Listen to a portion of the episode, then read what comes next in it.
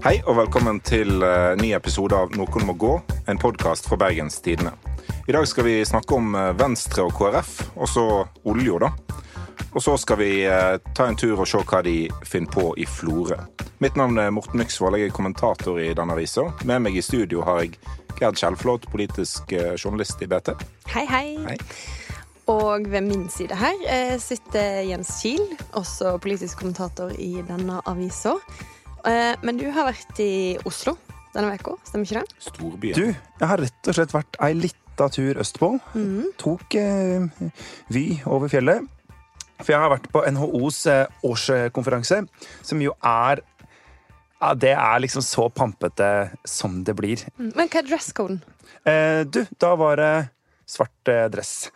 Så du slapp å låne smokingen til til sjefsredaktøren. Ja, nei, jeg måtte låne smoking. Det var på julebordet til eh, Rederiforeninga. Ja. Det Det har ikke over NHO. Det var altså den forrige sjefredaktøren i Bergens Tidende, ja. ikke Frøy Gudbrandsen. Ja. Hun har ikke smoking, kanskje? Nei. Nei, hvem vet. Jeg har ikke spurt henne om jeg kunne lånt smokingen hennes. Og så sett hva slags svar jeg fikk.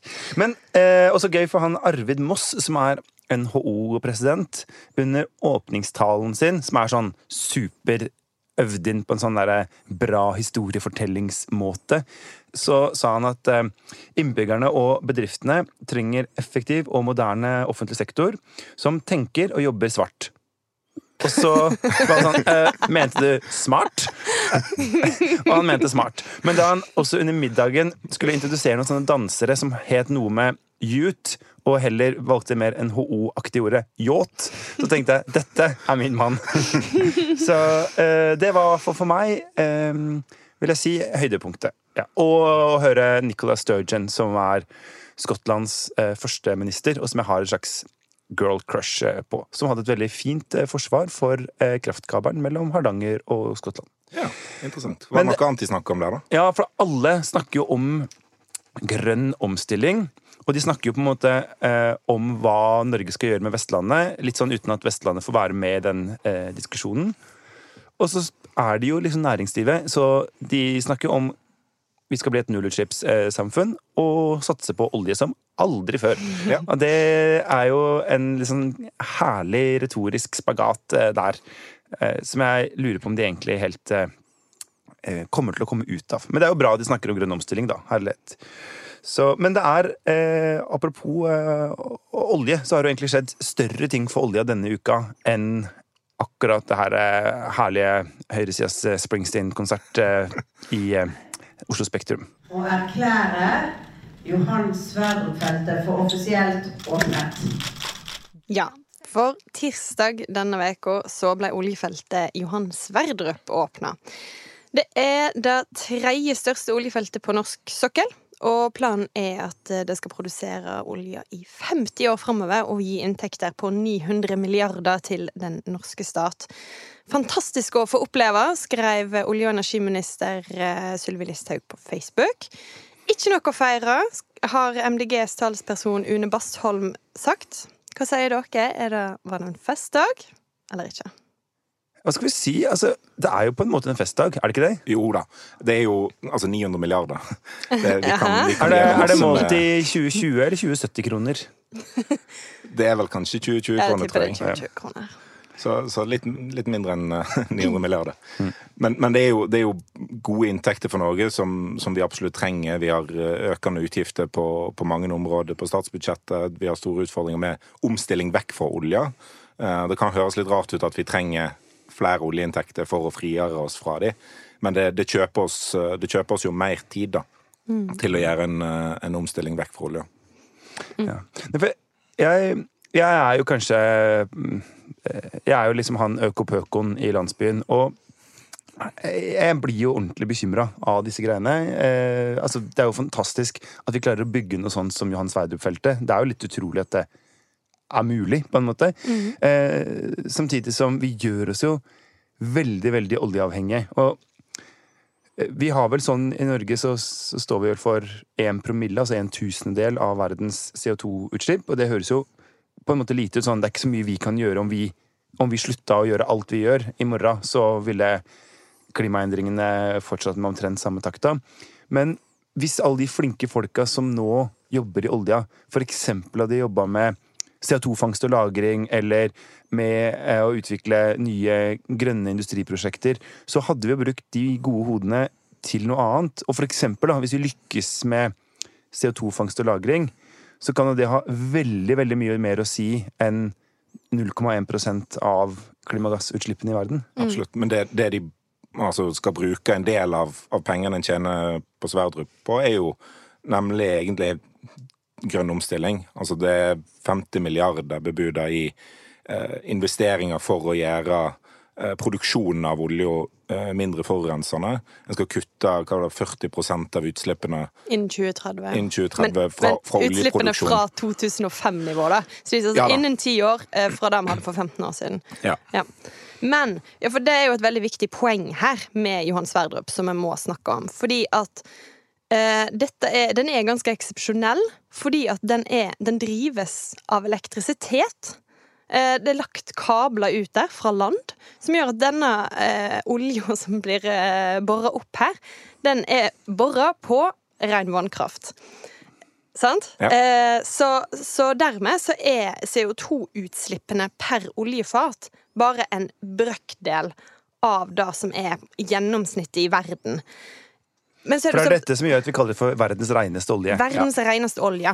Eh, og, og, dette her har jo vært eh, Altså, Equinor eh, ga seg sjøl en liten sånn eh, eh, De feirer seg sjøl en dag på forskudd med å, med å eh, slippe sin plan for det er nullutslipp innen 2050, som du var inne på her. Sant? Innen ti år skal de redusere så masse, og ja etter hvert skal de ha utslipp nesten på null. De skal, de skal bore olja utslippsfritt. Ja, ja. Men så er det klart at den olja du sånn får opp, da ja. Den er jo like skitten som den i Saudi-Arabia. Men, men, grunnen til at det går an å si, er at utslippene våre vil da ikke stige eh, kraftig i Norge.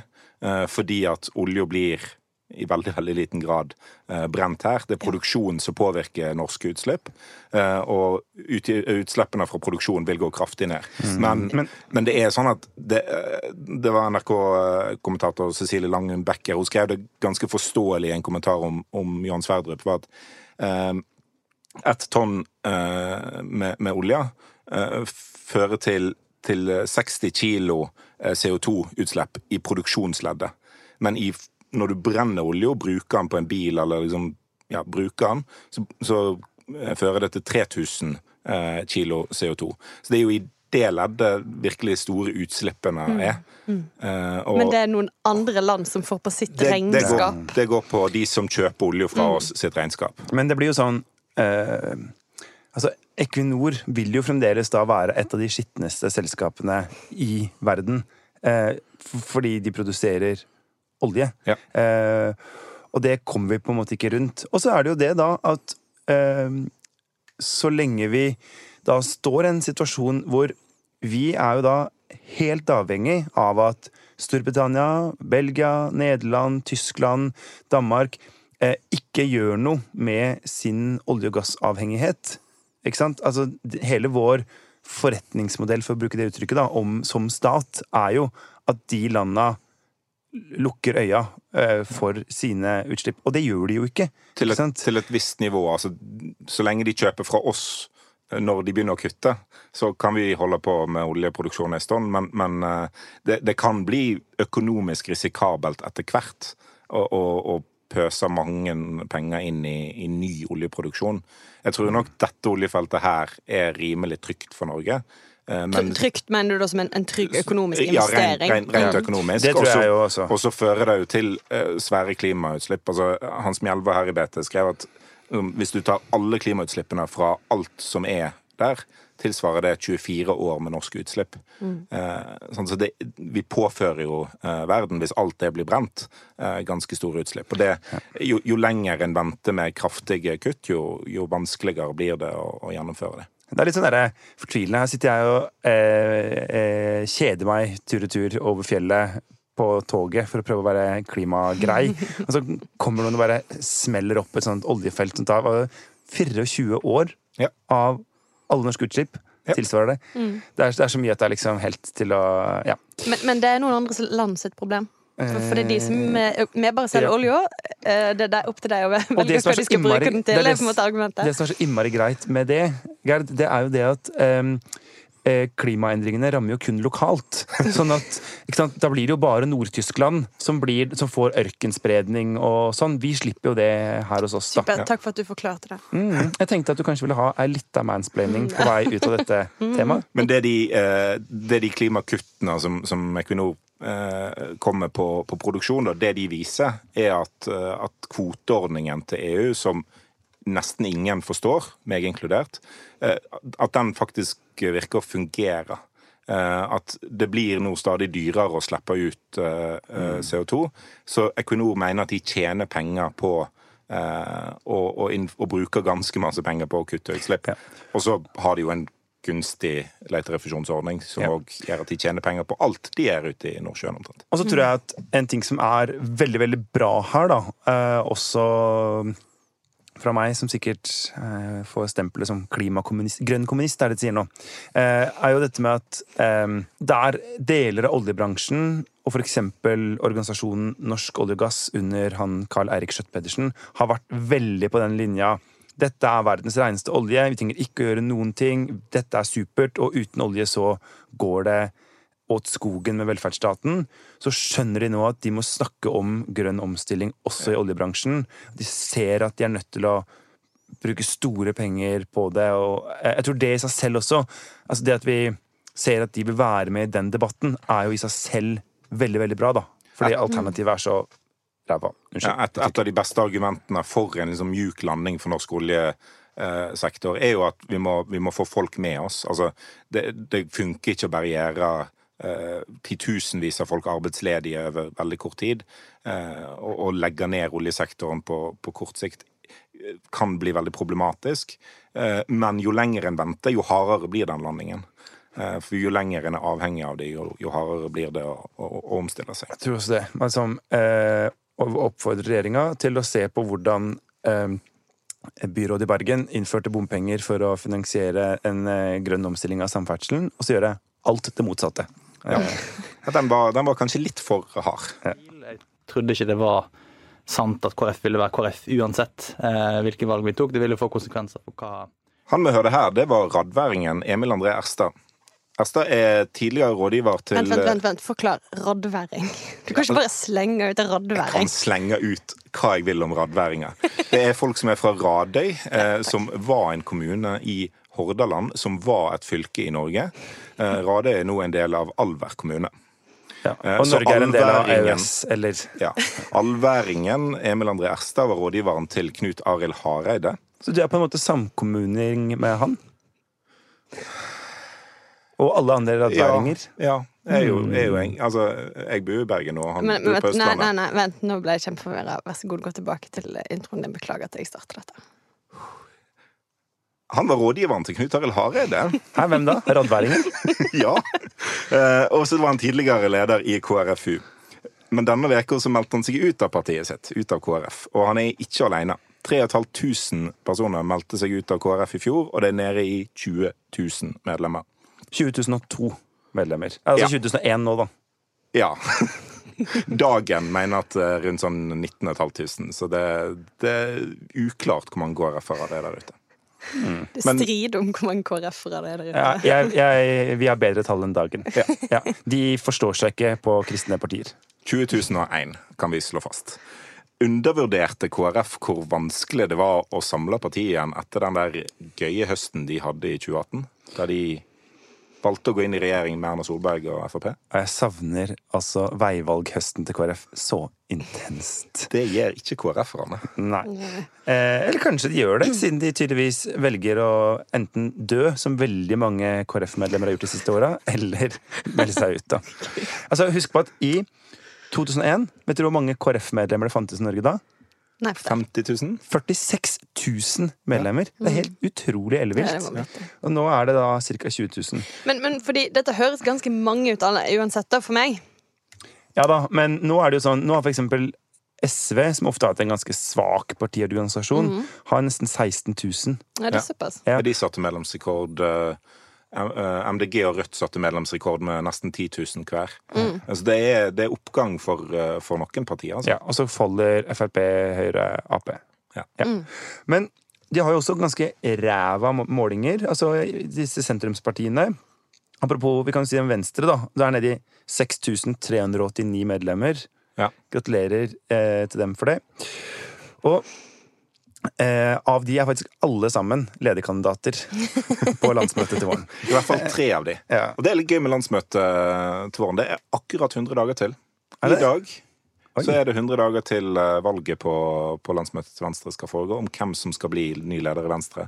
Om det blir Trine Skei Grande som er leder i dag, eller om det blir Sveinung Rotevatn, Abid Raja eller noen av de 6000 etle. Ja. Geir, hva tenker du om at uh, Morten har en nedtellingskalender til uh, valgsesjonen under Venstres landsmøte? Ingenting kan lenger overraske meg, på en måte. Uh, for dette er mannen som bare snakker varmt om valgkretser. Og... Før i dag sendte du en snap om der du jubler fordi Tysnes ville ta inn elementer fra Hordalands gamle fylkesvåpen. Altså, det er liksom ja, de har jo, de har jo øksene fra, fra Onarheim eh, i kommunevåpenet sitt, men det har ikke blitt godkjent offisielt, siden Hordaland fylke hadde fra de samme Onarheim? Altså fra Hilde Onarheim? Nei. ok. Så nå sporer vi av igjen? Ja, nå mm. sporer dere meg av igjen. Ja. Men poenget vårt var KrF mister mange medlemmer, gjør det dårlig på målinga. Ja, Venstre gjør det enda dårligere på Denne målinga. Denne uka så har Venstre fått 2,3 hos NRK Aftenposten og 2,5 hos VG. Aftenposten hadde en sånn drepende setning i sin uh, sak. Som bare, det var ikke sitat fra noen, eller noe sånt. det var bare en liksom, brødtekst mellom sitatene. Uh, der det står at partiet har 'på lag med fremtiden' som slagord, men hvor gjensidig dette forholdet er, gjenstår å se. Det er vondt. Ouch. Men og dette er før da de går inn i denne nevnte lederstriden. Ja, 100 dager før de går inn i den lederstriden. Det var jo en del bråk i høst når ja. uh, kandidater ble, ble, foreslått og sendt inn og sånt, og nå er det rimelig stille. Mm. Ja. Og så skal de da gjennom dette, som jo blir ganske opprivende. For der er det jo da, sant Altså alle de tre som sitter i ledelsen i dag, har vel egentlig sagt at de vil fortsette. Både Trine Skei Grande og de to nestlederne Terje Breivik og Ole Elvestuen. Ja. Stille seg til disposisjon, som betyr jo jeg vil veldig gjerne være her. Mm. Ja. Og så er det jo da utfordrerne, som du jo allerede har nevnt et par av. Ja. Mm. Abid Raja og Sveinung Rotevatn. Kanskje Guri Melby. Altså, vi veit ikke. Um, men, men, hvordan er det? Fordi det her, det her, vil jo foregå for veldig åpen scene. Eh, og det er jo noen partier som tåler sånne eh, opprivende konflikter for åpen scene bedre enn andre. Men eh, noen av dere som veit eh, Hvor er Venstre på den altså, er... Venstre er i hvert fall vant til det. Ja, men ja. det som er problemet For jeg kan si, jeg var jo medlem av SV i hine hårde dager. Og da var det jo en sånn åpen eh, debatt mellom først Bård Vegar Solhjell, Audun Lysbakken og eh, Heikki Holmås hvor da Audun eh, Lysbakken gikk seirende ut. Men det var jo en veldig sånn rolig, avklart prosess. Jeg tror også at det som var bra med den prosessen, var at det var på en måte med det ledervalget så fulgte det et slags mandat om hva vil vi at SV skal være i framtida. Ikke sant? Og da valgte man både Lysbakken og Lysbakkens linje, og det skapte liksom eh, ro, da. Mm. Mens nå er det jo egentlig ikke noen debatt tenker jeg, om hva skal Venstre være for et parti. Men det er jo litt forskjellen fra SV-kampen. For da var det tre stykker som ville overta som, som, partileder, når en partileder hadde signalisert at hun skulle trekke seg. Mm. Eh, mens her er det en sittende partileder som òg ønsker å fortsette.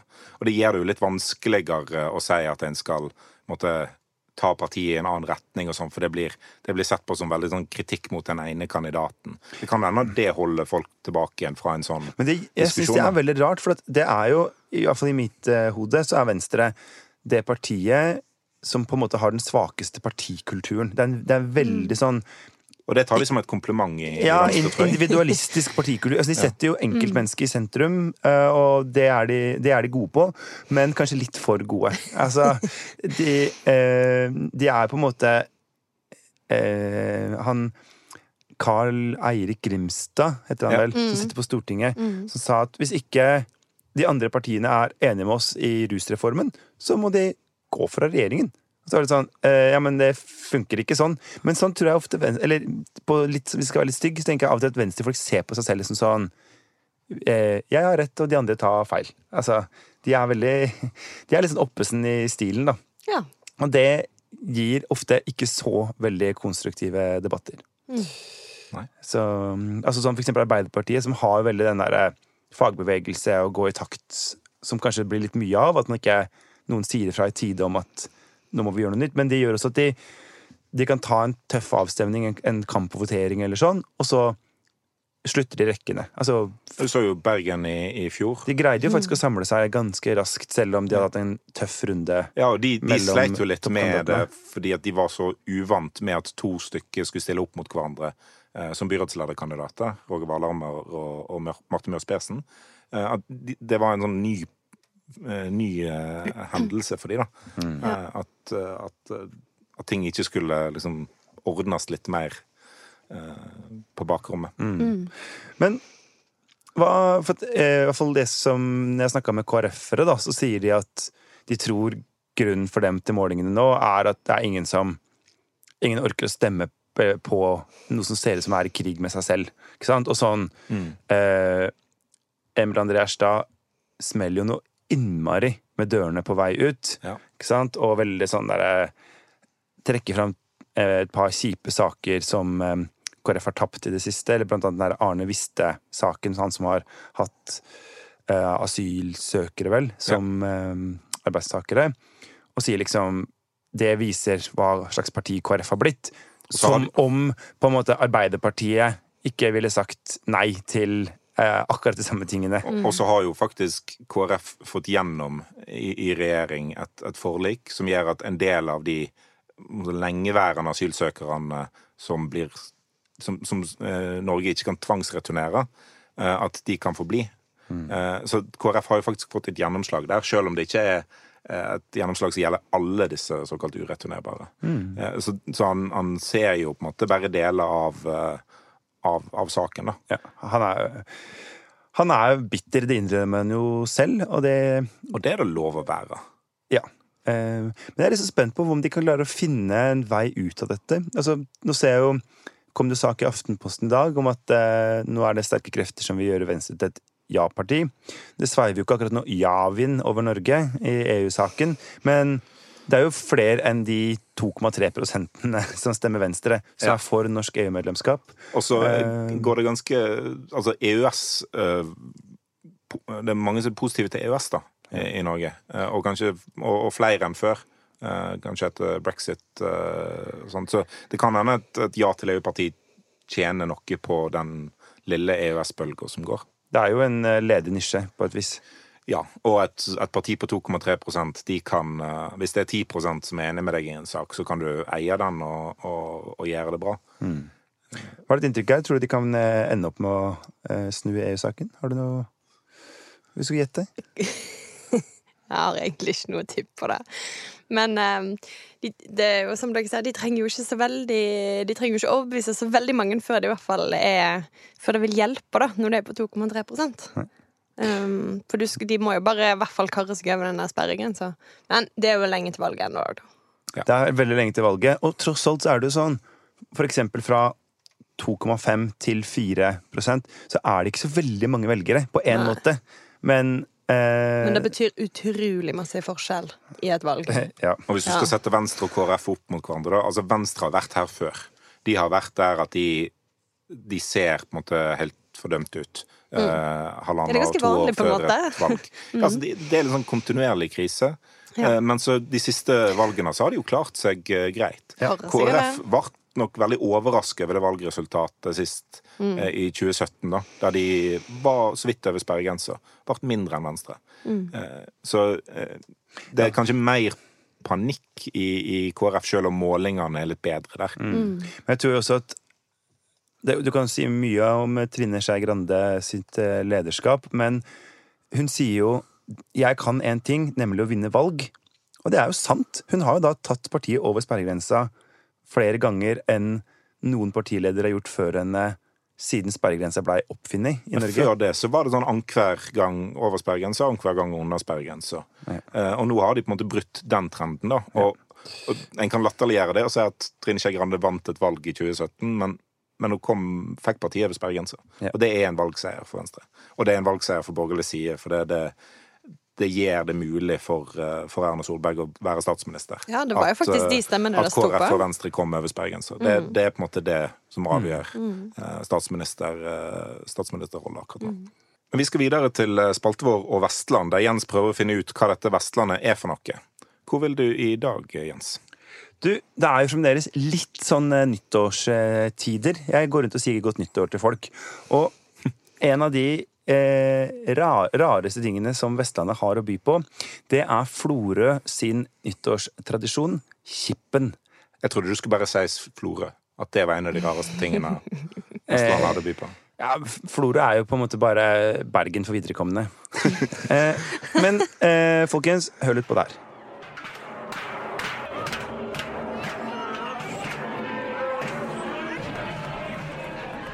Dette var også noe skramling fra en eh, tidligere eh, Kippen-årgang. Og dette er altså et eh, karneval, på en måte. Et samfunnskritisk karneval. Det ser ut som venstresidas store drøm. sånn der, hvis SV var en by. Eh, men hvor da folk ganske fulle, tror jeg, sånn rundt, eller utpå kvelden på nyttårskvelden. Nei, det, det er ved midnatt. Midnatt, ja. Kler seg ut eh, som eh, samfunnsaktuelle temaer i Florø-samfunnet. Går Strandgata fram og tilbake, og til slutt så brenner de opp alle effektene. Altså For eksempel nå, da, så var det Klimavennlig. Eh, ja. Men det var, for eksempel, et tema var eh, sjukehuset. Så da var det masse folk som da For det er jo ikke noe sjukehus egentlig lenger i Florø. Florø luremus, står ja. det på plakatene. Ingen ståpikk av drømmefabrikk, sto det også på en annen. Eh, og så da masse folk som går i sånne spøkelsesdrakter med dette sjukehuset på eh, skuldrene, da. Jeg tror dette er en sjukehusdebatt vi må gå litt lenger inn i en annen gang. Eh, ja. Ellers så gikk det mye i Kinn kommune. Det gikk i eh, vindmøller. Og ikke minst mye kritikk av Facebook-gruppa 'Du veit du er fra Florø når?' prikk, prikk, prikk. Men hvorfor Dette, var det kritikk av den? Nei, for den, den, har jo som alle andre sånne 'du veit du er fra hm, hm, når'-grupper utvikla seg til et sånt mareritt av hets, hat og sjikane. Fordi sånn er vestlendinger. Men Sånn er alle, hallo. Ja. Hva, hva, hva, tenker dere om Kippen? Er det, er det like eksotisk for dere som det er for meg? Ja. Ja, altså det er veldig rart. Det eneste jeg kan tenke på som, som liggende på det, er 17. mai i Bergen, hovedprosesjonen. Så er Salgs- og reklameforeningen de, Deres plass i prosesjonen, de stiller opp med en del sånn plakater og banner og sånt som er eh, tullete, samfunnskritiske. Eh, men altså, skalaen er jo mye mindre eh, enn en i Florø, da. Men det eneste jeg kan komme på liksom, i vest, på Vestlandet som, eh, som, som liggende. Ja. ja. Men det er jo ikke så rart, for hvis, altså, det, det, er veldig overraskende for meg at dette skjer altså, i Florø. For jeg vet ikke, de er jo sunnfjordinger. Du føler liksom ikke at de er sånn ja, at Nei, at de er sånn. Eh, så det, hvis det her skulle skjedd en plass på Vestlandet, så ville jeg jo tenkt det måtte være her i Bergen. da. For det, Tradisjonen kommer jo egentlig herfra, visstnok. Ja. Eh, fra, altså på sånn starten av 1900-tallet.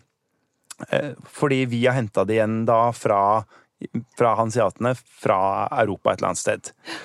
Eh, så det er egentlig så Og Florø og Bergen henger jo sammen ja. på et eller annet mystisk vis. sant? Sjøfart. Ja. ja. Og, og, en sånn derre eh, vi er byen, og de andre er bygdiser-mentalitet. som er ganske... De skorrer jo òg på R-en der oppe på grunn av Ja, det har de gjort lenge. Mm. Mm. Ja. Men det er jo eh, flott tradisjon, det. Jeg kunne tenkt at vi kunne bare adoptert den til Bergen, og så kunne vi slutta med det der med å skyte fyrverkeri inn i øyeeplene på hverandre. Eh, bare gjort dette i stedet for. Tenk at det er ja. det som er måten vi markerer nye år på. Ja. Mye bedre å bare komme på dårlig ordspill om sykehuset vårt. Ja, om, om hva, for sant, hva hadde det vært her i Bergen? Hadde det vært definitivt masse bybane. Veldig masse bybaner. Og veldig masse trim. Kanskje bitte litt bompenger, da. Ja, bitte litt bompenger og trim. Ja. Men også sånn derre Jeg tror um, Det er jo veldig mye folk som kler seg ut her, så jeg tror det hadde vært mye Trude Drevland, eh, Erna Solberg mm. Ja, for det er jo også litt poeng, sånn som jeg forsto det fra gamle dager, at de kledde seg ut sånn at de ikke skulle kjennes igjen. Så ja. de, de, gjør på en måte det, her, det var noe ulovlig, på en måte. De sa ting Det er brannfakler, rett og slett. De, de, stiller opp med, på en måte. Ja, det er jo noen ja. veldig sånn voldsomme kostymer. Den ene er jo eh, en vindturbin der det henger noen på som er korsfesta, eh, der det står 'Bremanger i mitt hjerte'. Eh, og det, det er hardt. Ja, det er ganske ja, det, er, eh... det, det, treffer liksom både vindmotstanden og eh, sammenslåingsmotstanden i yeah. Kinn kommune. Norges rareste kommune, ikke det du har jo. Her, her, kan vi vel også trygt eh, anbefale våre eventuelle lyttere et eh, abonnement på Firdaposten for noen sånne gylne bildeserier fra mm, både absolutt. denne og tidligere Kippen-årganger. Men er det For andre steder da, så har du jo for eksempel påskerevy og sånne ting, som er litt det samme. Altså at egentlig voksne folk, da, som til vanlig er eh, revisor eller barnehageansatte Morsomt. eller et Jeg tenkte akkurat det du sa der. De er revisorer. Ja, fordi det er alle, det det er. alle i norske kommuner er revisorer. Ja. Ettersynsfolk, som det heter på norsk. Og, eh, men som da kommer sammen i påsken og litt sånn i hurten og sturten skriver en eh, revy om mm. ting de er sure for i bygda. Ja. Naboen. Ofte. Ordføreren. Ja. Ofte, eh, ofte, det samme. Naboen-ordføreren. Ja, nabobygde. Ja. Og, og, tuller seg gjennom aktuelle små og store hendinger. Mm. Ja. Eh, ja, dette er egentlig det. Det er en revy satt til ute i gata eh, ved midnatt nyttårsaften. Ja. Så kanskje er det ikke så atypisk likevel, eller? Kanskje Nei. du har rett, når du sier det sånn. Mm. For jeg, bare, jeg tenker at Altså For meg er det Dette er liksom som å, ja, egentlig som å lese om karneval i Venezia eller Rio. Altså, det er sånn der, at det er helt fram, fremmed, sant? Mm. Florø. Norges Rio. Å oh, nei, oh, nei, nå har vi gitt i det! oh, dette Ja. Vi tar en million for det slagordet, gjør vi ikke det? Jo. Som med gode kommuneslagord. Visit Florø! De kan bare komme og sende fakturaen hit. Ja. Aha, er det ikke vi som sender fakturaen? Ja, ja, jo. Ja. Ja. Du er ny på dette. Ikke vet som at Men de er flinke til å komme på ting der oppe. Da. Altså, 'Velkommen til Kinn, former deg eller forsvinn'. Det, det, kan gå rett inn som kommuneslagord, det òg. Mm. Det var på en av plakatene i Chipen. Ja. Er det Men altså, For at, vi har jo en sånn um, vi leser at vi kan reise da, til f.eks. Venezia eller Rio, men kunne dette blitt en turistattraksjon? Å reise opp og liksom få, for å liksom lære om den lokale hetsen og krenken mot det nedlagte lokalsykehuset eller den nybygde vindmølla eller Visit Florø at New Year's Eve and see the marvelous outstanding chippan.